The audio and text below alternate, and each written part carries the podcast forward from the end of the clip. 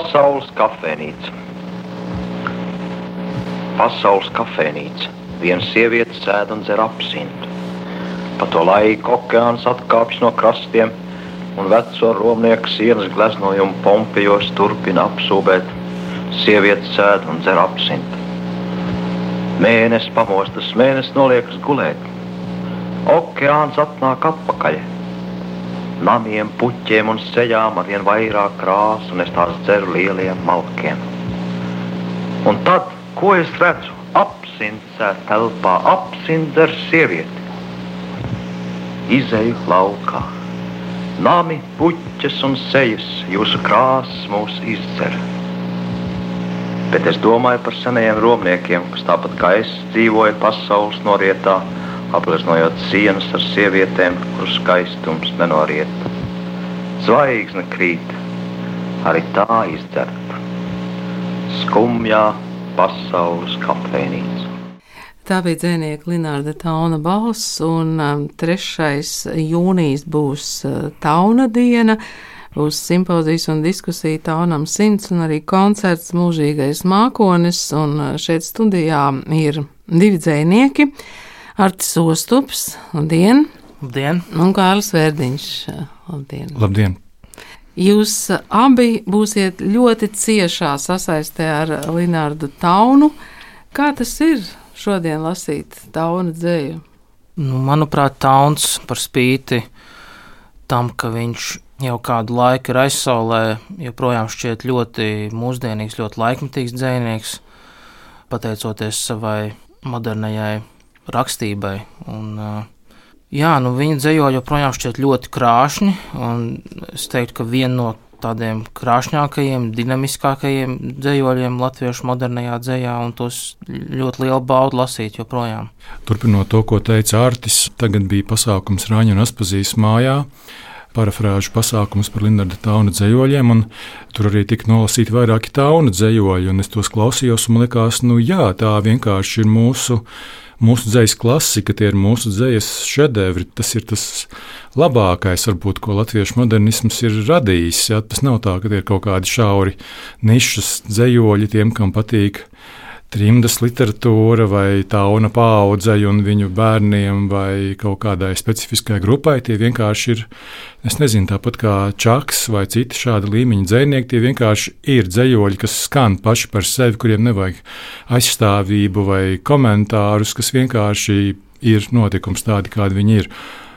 Un, jā, joprojām mēs dzīvojam tādā situācijā, kad šī trimdas dzēja nav tik plaši izskanējusi kā tā dzēja, kas radās padomju Latvijā.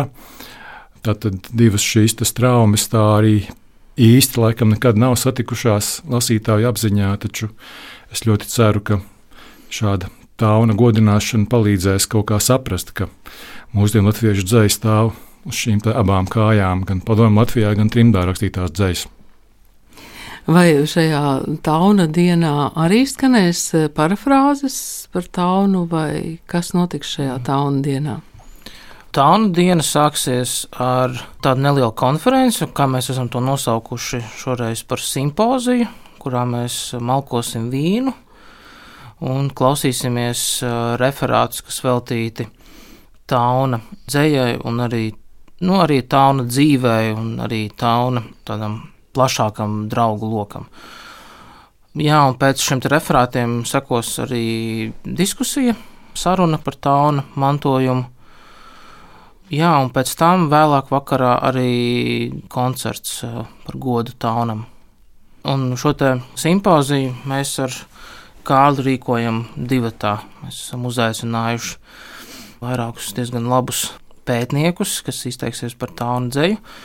Nu, jā, te vēl būtu jāpiebilst, ka vispār šāda simpozija rīkošana žurnālam punktam, kurus arī pārstāvu, ir ļoti svarīga. Līdzīgs pasākums notika 2019. gadā, kad mēs atzīmējām Montes Kromas simtgadi. Toreiz konference bija vēl plašāka, un šogad būs arī rakstu krājums, kas tapis pēc šīs konferences. Nu, tad redzēsim, kas sekos pēc tā un simpozija. Varbūt arī būs kādas publikācijas. Šķiet, ka Montes Groms vārds eh, tiešām izskanēja plaši, un, un arī tie, kas varbūt līdz tam nezināja, jau zināja Monte Gromu. Linārda Tauna atpazīstamība, kā jūs to vērtējat eh, Latvijā? Mm, grūti pateikt, kā ir ar, piemēram, mūsdienu skolu programmām, vai, vai tur taunam ir ierādīta vieta vai nav. Es atceros, ka nu, tajā atmodas laikā varbūt tā UNA vārds plašāk izskanēja, jo tika izdota Latvijā viņa dzīslas izlase plīvošana ar pilsētu, bija pērkona dziesmas ar viņa tekstiem, pēc tam 90. gados iznāca vesels albums, kur bija Aivara Hermaņa dziesmas ar tā UNA tekstiem Ievas akurātars izpildījumā. Nu, jā, un tad pēc tam tā trimdas dzēja kaut kur tepat apkārt klejo, notiek, bet, nu, jā, gribētos, lai lai varbūt šajā reizē mēs vairāk padomājam par to, kāda ir šī dzēja un kāds tā ir sakars ar varbūt pasaules modernismu dzējas vēsturi. Un cik tā ir aktuāla mūsdienās. Mēs, Latvieši, esam tādi prātīgi un konservatīvi un tādi praktiski cilvēki. Tad kāds tur saraksta dzējoļus, nu tā, tas nekas, bet paiet simts gadi. Tad mēs izrevidējam, paskatāmies, jā, tiešām ir manta, drīkst lasīt. Bet eh, man jau šķiet, ka, ja pieminēja atmodas gadus, tad tajā brīdī viss, kas nāca no trimdas, eh, viss tika ņemts atplastām rokām un pilnīgi viss eh, bija tāds neapgūts un nedzirdēts. Un varbūt tiešām ir jāpaiet kādam laikam, lai atsijātos tie trimdas zelta graudi, kuri vienkārši ir modernismu dzēja. Jā, bet nu, Bet, nu. es tagad jau esmu pietiekoši ilgi pabijis šai saulē un šai literatūrā, lai redzētu, ka latviešu literatūrā un latviešu dzējā tas viss notiek tā lēnām. Paiet desmit gadi, kaut kas tur notiek, šur notiek, tur notiek, bet nekas tā īpaši nemainās. Tur parādās jauni cilvēki, parādās jaunas grāmatas, kaut ko iztulko, kaut ko publicē. Paiet atkal desmit gadi, atkal bišķiņ kaut kas notiek. Nu, tā mēs tā tādās gliemeža gaitā arī iepazīstam savu dzimto kultūru. Bet um, taunam tātad būs veltīta šī viena diena, un vēl atkal uz desmit gadiem. Vai kā jūs esat domājuši, varbūt kāda, kāda taundzējas izlase, piemēram, varētu būt? Nu, redz, Kārlis šeit runā tādos uh, desmit gadu ciklos. Uh, tieši pirms 11 gadiem iznāca Kārļa sastādītājs uh, izdevums Linārda Tauna dzēja. Kur eh, tad, tad bija iekļauti, lai kārs man papildināja, es kļūdos, bet iekļauti bija šie divi dzīves laikā izdotie krājumi, ja, un tad arī pirmo pēckara gadu dzēja un arī dzējoļu ārpus krājumiem. Nu jā, un tad pagāja tagad 11 gadu, un tagad būs taunam līdz simpozijas. Nu, es, es ceru, ka līdz nākamajai reizei, kad mēs aktualizēsim taunu dzēju, nepaies desmit gadi. Protams, ka šis simpozijas ir nu, tikai tāds tāds ielāps, ja, ja mēs runājam tieši par pētniecību, tad nu, skaidrs, ka tauna dzēja, un es domāju, ka vispār Ēlas ķēķa dzēja plašāk joprojām nav pietiekami, pietiekami smalki kontekstualizēta, pietiekami smalki izpētīta plašākā modernismu kontekstā, šis simpozijas ir viens no tādiem mēģinājumiem to labot, bet nu, noteikti, tur vajadzētu būt vēl kādiem pasākumiem arī tuvākā nākotnē. Vai tas, ka Tauns nu, kara dēļ nonāca Ņujorkā un tur izveidojās šī kopa Elis ķēķis, vai tas noteica Tauna dzējas saknes, vai jūs tur saskatāt kaut kur citur vēl tās sakņu sistēmas? Nu, noteikti mēs varam atcerēties, ka tā unā dzējas dievišķais dvīnis, dzēnieks Gunārs Saliņš bija, ja nemaldos, Ziedoņa purva klases biedrs. Un tad mēs varam iedomāties, Gunārs Saliņš emigrē un dzīvo Amerikā, Ziedonis purvs paliek Latvijā. Gunārs Saliņš raksta šādus dzējoļus, un Ziedonis purvs atkal tādus dzējoļus. Ja?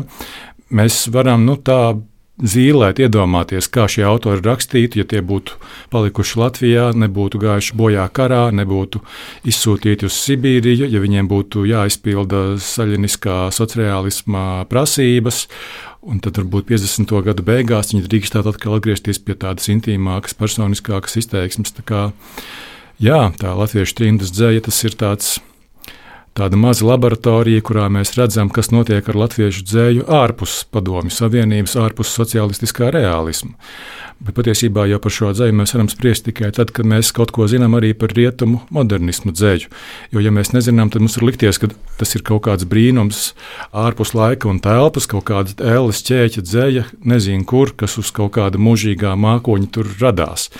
Bet, uh, lasot tagad daudz ko par starptautisko modernismu, par angļu un amerikāņu modernismu, tur mēs jau daudz konkrētāk redzam, no kurienes tas viss nāk, kā tas viss transformējās. Ja, jo teiksim, latviešu modernisms tas nav.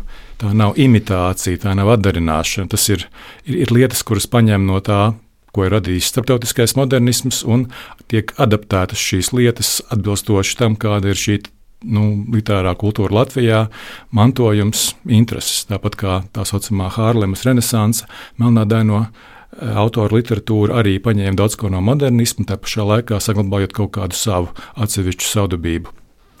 Linārds Stauns ir pilsētas dzinieks, jebkurā gadījumā. Ja? Jā, nu es domāju, ka ar to viņš ir uh, kļuvis ievērojams un uh, joprojām arī aktuāls mūsdienās. Un, uh, Nu, jā, es atceros, kad es pirmo reizi iepazinos ar tādu zaitu. Tas notika mm, pirms jau kādiem 16, 17 gadiem, kad es vēl mācījos vidusskolā, un es skolas bibliotekā uzgāju šo dzīslu izlasi. Un tas, kas man toreiz pārsteidza, bija jā, šī tā, nu, tāda pasaules elpas klātesamība. Tur bija kaut kāds, tajā dzējā kaut kāds plašums, bija, kas varbūt nebija tik izteikts tā laika latviešu dzējā, tātad 50. un 60. gadu, nevis latviešu, bet Latvijas, Latvijā rakstītajā dzējā. Kaut kāda atšķirība tur ir, man grūti viņu tagad tā nodefinēt, bet varbūt Kārlis var papildināt. Atšķirība kādā ziņā no padomju Latvijas vai no citiem trimdas Latvijas Jā, nu, ko, teiksim, ko tā Ņujorka ienes viņa, viņa dzējā? Nu, es teiktu, ka tā Ņujorka ir divējāda. No vienas puses, it kā ir nu, Ņujorka fascinē, Ņujorka piesaista, uh, No otras puses, Ņujorka kaut kā traumē, liek justies disharmoniski, ne savā ādā, tad visu laiku ir jāatgriežas pie bērnības, pie Rīgas nomalēm, pie dabas, kas turpat pilsētas nomalē ir sastopama ka tā nu, nevar teikt, ka tā uns jūtas Ņujorkā, Manhetenā pilnīgi komfortabli. Es teiktu, ka jau piesauktā Monta Kroma pilsētā tiešām jutās kā zivs ūdenī, un viņai tur pastaigāt pa trotuāru, pasēdēt kafejnīcā, tā ir tā viņas īstā dzīve, ko viņa vēlas dzīvot. Bet tā unam es tur redzu arī tādu nu, visu laiku vieglu nelabumā, satraukumu sajūtu. Nu, bet Ellis ķēķis tā bija tāda sala, ko viņi radīja Ņujorkā un kur justies varbūt nu, nekomfortabli, bet vismaz radoši. Jā, jo Amerikā ir ļoti viegli būt anonīmam, būt nekam vienam no ļoti daudziem, kas pa dienu strādā un vakarā skatās televizoru un pa nakti guļ. Un arī mūsdienās pastāv visas šīs nacionālo minoritāšu nezinu, nāmī, apvienības, organizācijas, ir tāda vēlme kaut kam būt, pie kaut kā piederēt. Un sevišķi, ja tu esi dzinieks, kas raksta latviešu valodā, nu tad kontakti ar citiem tādiem pašiem tas ir šausmīgi svarīgi, bez tā vienkārši nevar. Veronika Strēlere Zviedrijā jau 50. gada sākumā rakstīja, ka dzējot trimdā nozīmē it kā dzējot tukšumā. Arī tad, ja tā latviešu sabiedrība tur apkārt ir, tomēr nu, tā trimda ir tāda īpaša situācija, par ko arī ir ļoti daudz rakstīts un pētīts. Ja?